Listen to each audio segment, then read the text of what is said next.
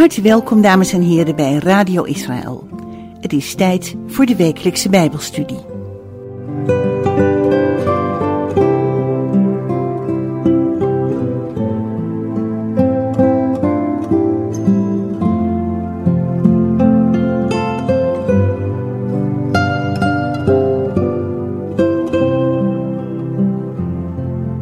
In deze Bijbelstudie willen we nadenken over het thema dat God trouw is aan de beloften die hij heeft gedaan aan Israël. God is trouw aan zijn beloften en hij komt niet terug op zijn woorden.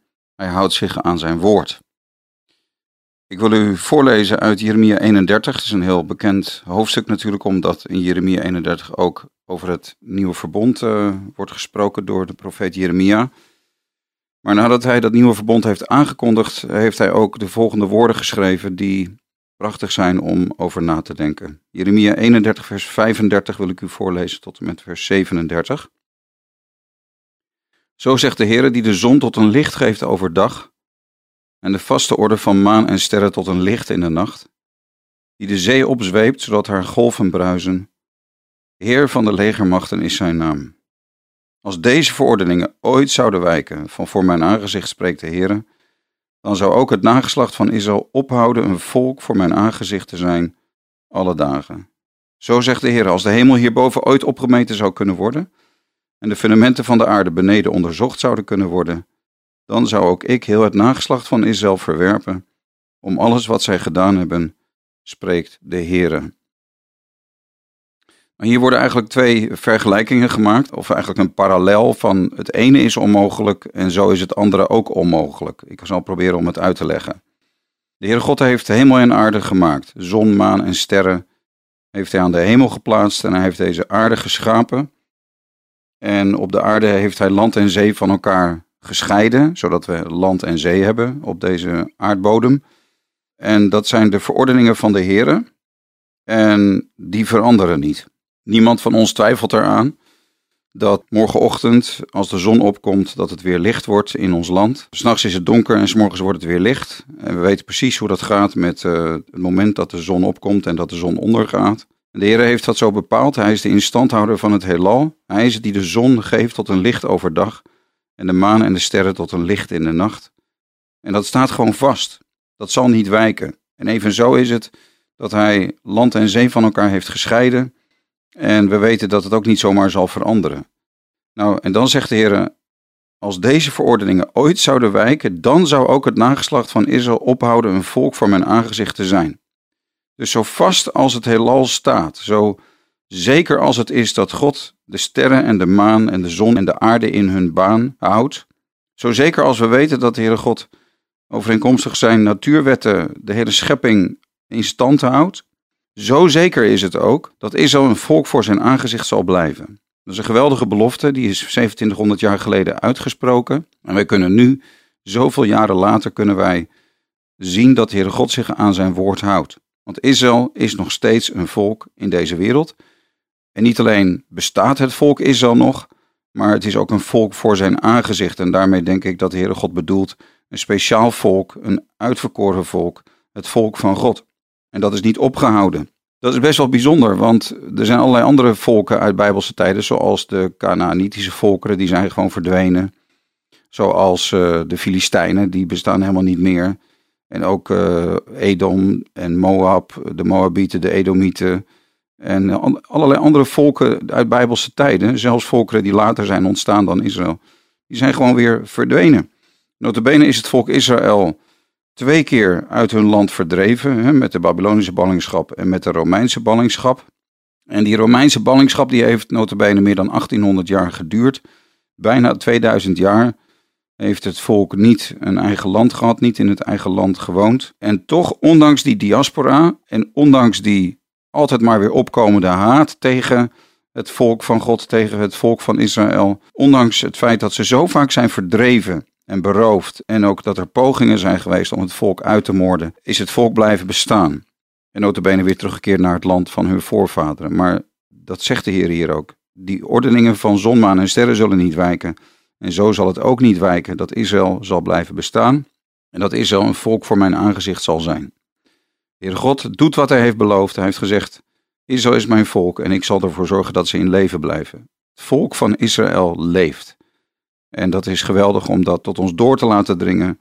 Hoezeer dat een teken is van Gods trouw. En dat de Heere God eh, zich houdt aan zijn beloften. En dan de tweede gelijkenis, of de tweede parallel die naar voren komt in deze verse. Vers 37 is het ook weer: het ene is onmogelijk, evenzo is het andere onmogelijk. Het ene dat onmogelijk is, dat is dat de hemel opgemeten zou kunnen worden. Zo zegt de Heer, als de hemel hierboven ooit opgemeten zou kunnen worden. Nou, zelfs met onze zeer geavanceerde, moderne uh, wetenschappelijke middelen en technieken en instrumenten van vandaag de dag is het onmogelijk voor de mens om het heelal op te meten.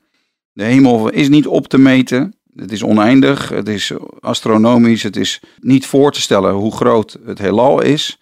Als je ook denkt aan zonnestelsels en aan miljarden, miljarden sterren die inmiddels ook door de mensen in beeld zijn gebracht. Nou, is onmeetbaar groot. Niet te meten. En bovendien, de fundamenten van de aarde kunnen niet onderzocht worden. Wat daarmee bedoeld wordt is, ik denk ja, de wereld zit vol met mysterieën. Er zijn zoveel wonderlijke dingen in deze wereld die wij mensen ook echt niet kunnen begrijpen. Zoveel is gewoon prachtig en schitterend en wij kunnen dat niet allemaal verklaren waarom dat is. De fundamenten van de aarde kunnen niet onderzocht worden door de mens. Dat is gewoon onmogelijk. En evenzo is het onmogelijk, zegt de Heer hier, dat hij Israël zou verwerpen om alles wat ze hebben gedaan. Met andere woorden, de Heere God zegt: Het is onmogelijk voor mij om mijn volk Israël te verwerpen om wat ze hebben gedaan, wat ze ook zullen doen, hoezeer ze ook in afgoderij zullen vallen, hoezeer ze ook van mij zullen afdwalen, ik zal hun nooit verwerpen. En dat is een geweldige bemoediging. Kijk, het christendom is natuurlijk wel anders gaan praten. Daar hebben we het in een eerdere aflevering van deze Bijbelstudieserie al over gehad. De kerk, het christendom is gaan zeggen, ja, omdat de Joden Jezus hebben afgewezen, heeft God hen afgewezen. Omdat zij dit hebben gedaan, heeft de Heere God hen verworpen. Maar er staat hier gewoon heel duidelijk dat dat onmogelijk is.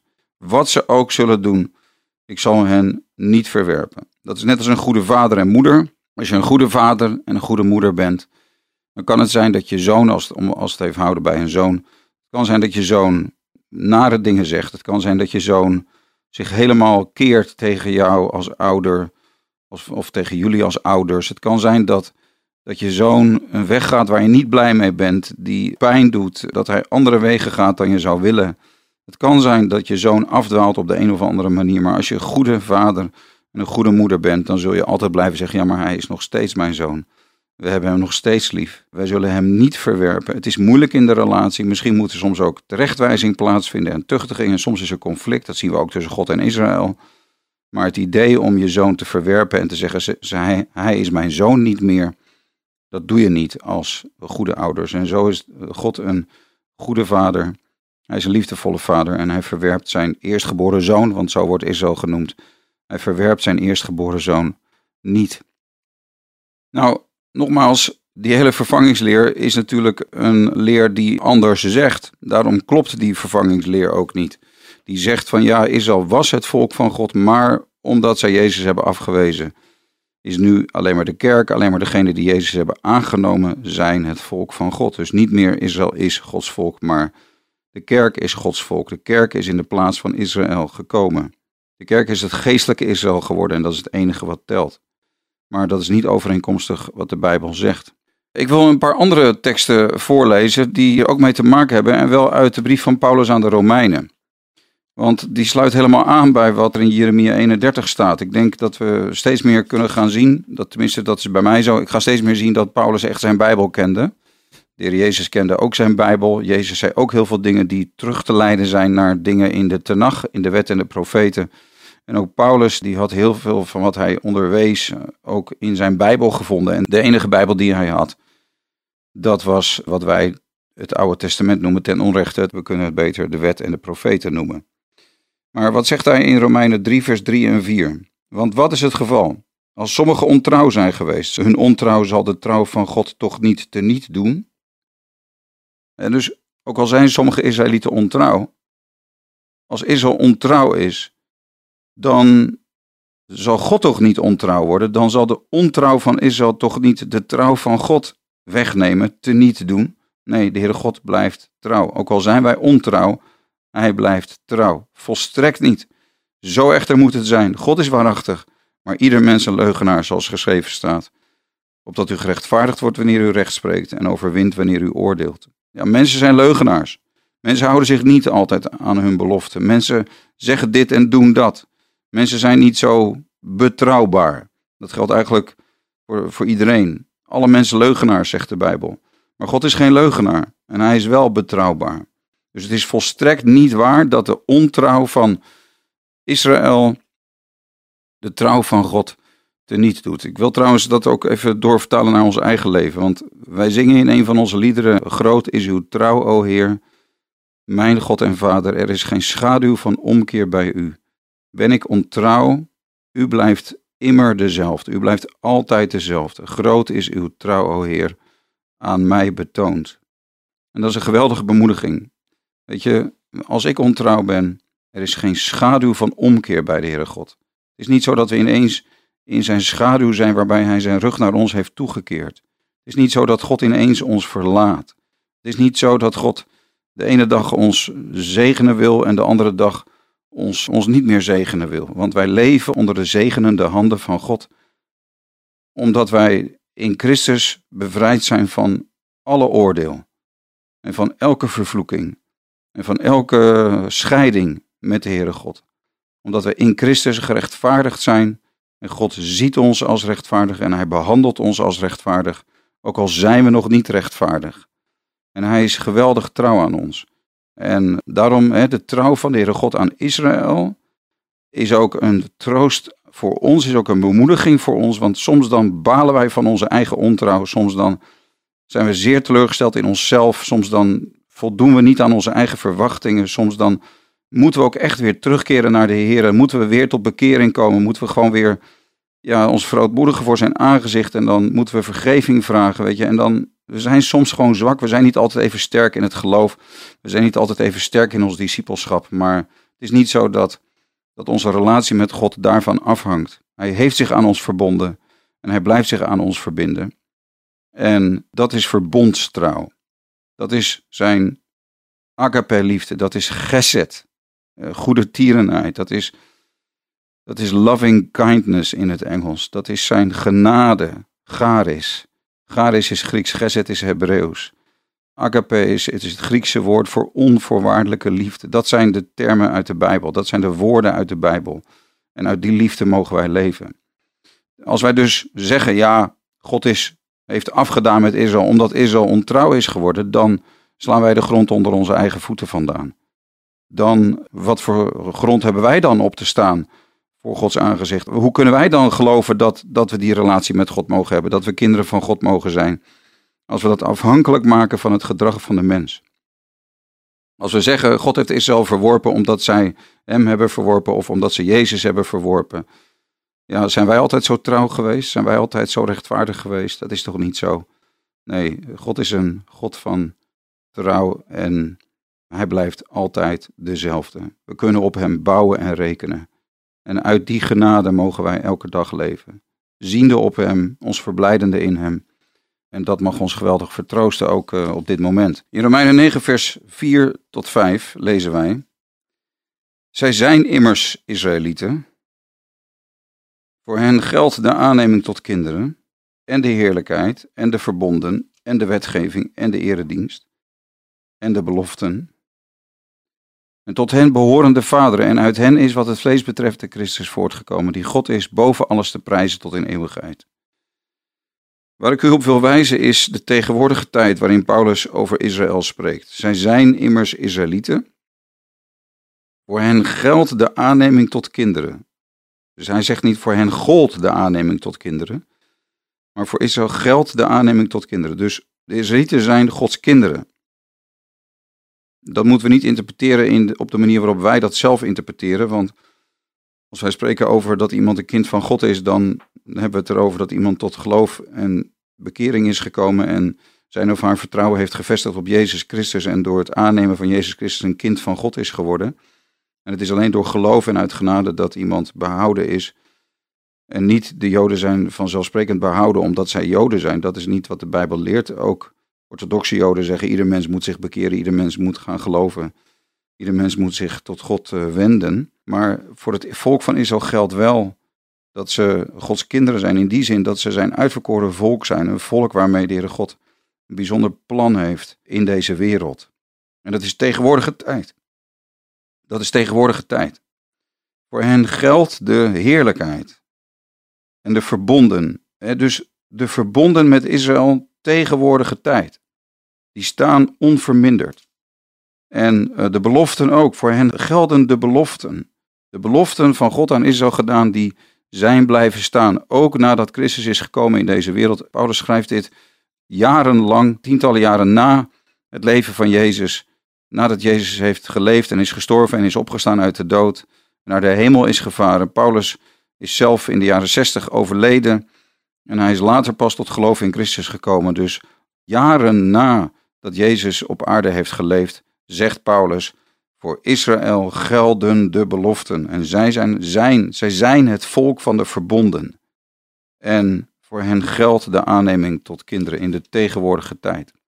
En ook in Romeinen 11, vers 1 zegt Paulus: Ik zeg dan, heeft God zijn volk verstoten? Volstrekt niet. God heeft zijn volk niet verstoten.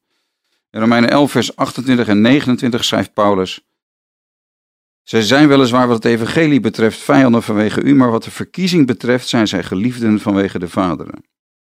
Want de genadegave en de roeping van God zijn onberouwelijk. Dus Paulus spreekt ook hier in de tegenwoordige tijd over de verkiezing van Israël. Wat de verkiezing betreft, hij zegt niet wat de verkiezing betrof, hij zegt niet zij waren wat de verkiezing betrof, geliefden vanwege de Vader, maar zij zijn wat de verkiezing betreft, geliefden vanwege de Vaderen. Het volk van Israël is het uitverkoren volk, is het verkozen volk, want de genadegave en de roeping van God zijn onberouwelijk. En daarom, ja, het is allemaal genade, het is allemaal uit hem, door hem en tot hem. En daar kan niks aan afgedaan worden, daar kan niks aan veranderen. Het is God die dit heeft besloten, het is God die dit heeft gedaan. Daarom houdt het ook stand. Nou, ik wil ook nog een ander aspect naar voren brengen van Gods bijzondere relatie met Israël. En dat is dat de Heere God Israël heeft geformeerd op een heel bijzondere wijze. Namelijk, het kon eigenlijk helemaal niet meer dat er nog een zoon geboren zou worden uit het huwelijk van Abraham en Sarah. Want Abraham was al een oude man geworden en Sarah was al een oude vrouw geworden. Toen Abraham 75 jaar oud was, kwam de belofte tot hem dat hij de vader zou worden van een groot volk. Dat hij een zoon zou krijgen uit zijn eigen huwelijk met Sarah. Toen hij 86 was, is hij naar zijn slavin Hagar gegaan en is Ismaël geboren. Omdat hij dacht, nou het gaat niet meer gebeuren. En dan moet maar op een andere manier, moet ik een erfgenaam hebben. En toen hij 99 was, kwam het woord van God opnieuw tot Abraham. En een jaar later is Isaac geboren. Maar de Heere God heeft dat bewust zo lang laten duren. Het is bewust zo gegaan dat de vervulling van die belofte werd uitgesteld. Je zou ook kunnen zeggen, dit is een voorbeeld van uitgestelde zegen. We vinden wel meer voorbeelden van uitgestelde zegen in de Bijbel. Dat de zegen wel beloofd wordt, maar niet gelijk komt. Maar de Heere God heeft hier een plan mee gehad. Want toen was het duidelijk, hè, toen alsnog dit kind geboren werd, was het duidelijk dat dit kind op een heel bijzondere wijze uit Heere God is geboren. En daarom schrijft Paulus er ook over in de Romeinenbrief in hoofdstuk 4, dat Heere God tegen Abraham heeft gezegd, ik heb u tot een vader van vele volken gemaakt. Maar dat is God die de doden levend maakt en de dingen die niet zijn roept alsof zij zijn. Ja, dat kon helemaal niet meer. De, wat staat er verder? Hij heeft tegen alles ingehoopt en geloofd, dat gaat dus over Abraham, dat hij een vader van vele volken zou worden. Overeenkomstig wat gezegd was, zo zal uw nageslacht zijn. En niet verzwakt in het geloof heeft hij er niet op gelet dat zijn eigen lichaam reeds verstorven was. Hij was ongeveer 100 jaar oud en dat ook de moederschoot van Sarah verstorven was. Hij heeft aan de belofte van God niet getwijfeld door ongeloof, maar werd gesterkt in het geloof, terwijl hij God de eer gaf. Hij was ten volle ervan overtuigd dat God ook machtig was te doen wat beloofd was. Ook weer de belofte van God. Het gaat om de belofte van God dat dat kind geboren zou worden. Maar uiteindelijk, ja, het is gebeurd. toen het menselijkerwijs gesproken helemaal niet meer mogelijk was. De moederschoot van Sarah was verstorven. Het lichaam van Abraham was reeds verstorven. Op die leeftijd kon je ook toen al geen kinderen meer krijgen. En uh, toch is dat kind geboren. Dus Israël is niet. Het is niet zo dat er al tientallen volkeren waren en dat de Heere God toen uit die tientallen volkeren één volk heeft uitverkoren om zijn volk te zijn. Nee, dat volk Israël is op een hele bijzondere wijze ontstaan. Het is ontstaan door een wonder van God. Het volk is geboren uit God op een heel bijzondere wijze. En dat is wat genade is. Genade is dat wat onmogelijk is bij de mensen, dat dat wel mogelijk is bij God en dat Hij het doet. Genade is dat wij het niet kunnen, maar dat God het doet. En daarom het, het lijfelijke bestaan van Israël in deze wereld is eigenlijk een boodschap van genade voor de hele wereld. Het feit dat dit nageslacht van Abraham, Isaac en Jacob er is tot op de dag van vandaag. Nog steeds bestaat dit volk van Israël.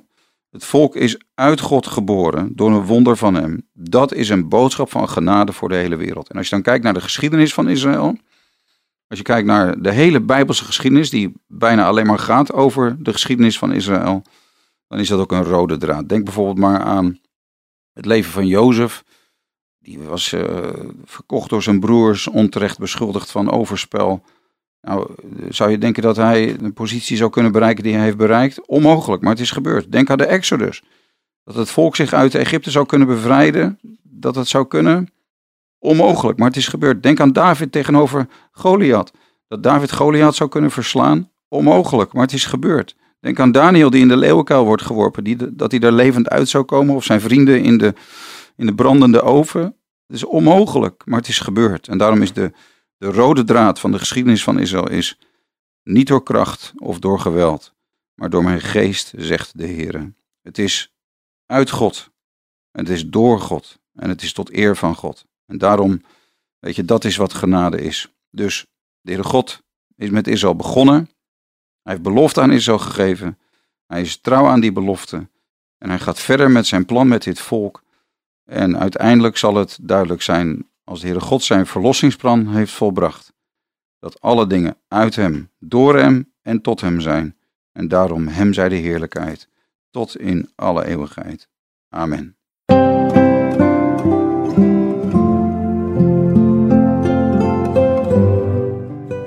Geluisterd naar de wekelijkse Bijbelstudie op Radio Israël.